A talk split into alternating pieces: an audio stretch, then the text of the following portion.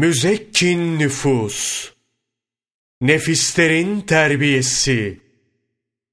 Kutbul Arif'in Eşrefoğlu Rumi Hazretleri.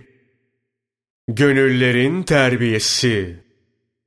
Bu bölümde insanın terbiye edilerek nefsi emmareden nefsi levvameye, buradan da nefsi mülhime ve nefsi mutmainneye geçişinin nasıl mümkün olduğu anlatılacak.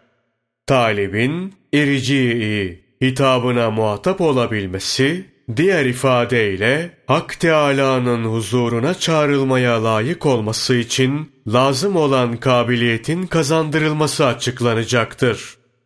Her şeyden evvel bu halin şeriat, tarikat ve hakikat terbiyesiyle mümkün olduğunu belirtelim. Şeriat, ilahi emir ve yasaklarla birlikte Hazreti Peygamber sallallahu aleyhi ve sellemin sünnetidir. Tarikat, zühd ve takvadır. Şeriatın emri olan farz, vacip ve hoş gördüğü iyiliklerin yanında nefse zor gelen fiillerin ifa edilmesidir. Hakikatse gönlün masivadan temizlenmesiyle Hak Teâlâ'nın bilinmesi, bunun müşahede edilmesi ve ona şahitlik etmektir.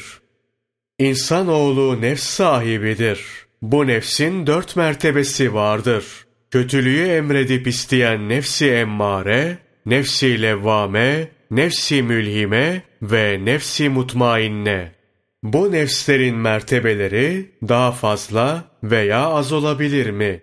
Kimisine göre daha fazla olabilir. Ama kimisi de bu mertebeler üçtür der. Bu mertebelerin dört olduğu kanaatindeyim. Zira ruhlar aleminde ruhlar dört sınıfa ayrılmıştır. Bu sebeple cisim ve beden alemi olan dünyada da nefislerin dört mertebe üzerine olmaları gerekir. Daha fazla veya eksik olmaz. Yine de doğrusunu Allah Celle Celaluhu bilir. Kitabın başında söylendiği gibi nefsi emmare mertebesinde olanlar kötü ahlak sahibidir. Bu mertebedeki nefsin üzeri örtülü olduğundan zahir ehli bunu görmez. O insanoğlunun damarlarında gezer. Nitekim Allah Resulü sallallahu aleyhi ve sellem şöyle buyurmuştur. Şeytan, insanoğlunun damarlarında kan gibi dolaşır. Bu dolaşıma mani olmak ve damarları daraltmaksa ancak açlık ve susuzlukla mümkündür. Böyle olduğu için şeytan da nefsi emmare gibi hissedilmez. Yaptıklarıyla anlaşılır. Nefsi emmare, şeytan gibi hep günah, isyan ve kötülüklere iter. Bu yüzden Allah Celle Celaluhu Yusuf Suresi 53. ayeti kerimede şöyle buyurur. Ben nefsimi temize çıkarmam. Çünkü Rabbimin merhamet ettiği hariç nefs aşırı derecede kötülüğü emreder. Şüphesiz Rabbim çok bağışlayandır, çok merhamet edendir. Nefsi emmare kimi zaman Müslüman olur ama münafıklığı da elden bırakmaz. Kimse onu esir alamaz. Sıkı riyazet ve mücahedeyle zapt edilebilir. Bu sebeple nefsi emmare köpeğindir. Aç bırak ki sana itaat etsin denilmiştir. Acem erenleri bu istikamette nefsi emmareyi riyazet zindanında tutarsan esirin olur. Aksi takdirde sen onun esiri olursun der. Hakkı arzulayan kişinin hep riyazet ve perhiz üzere yaşaması gerekir. Böyle olmalı ki nefsi emmarenin hile ve aldatmalarından kurtulup emin olabilesin. Evet, nefsi emmare devamlı aciz ve zayıf bırakılmalıdır. Bu da ancak açlık ve susuzlukla mümkündür. Ne kadar zayıflarsa o kadar yumuşar, düşkünleşir.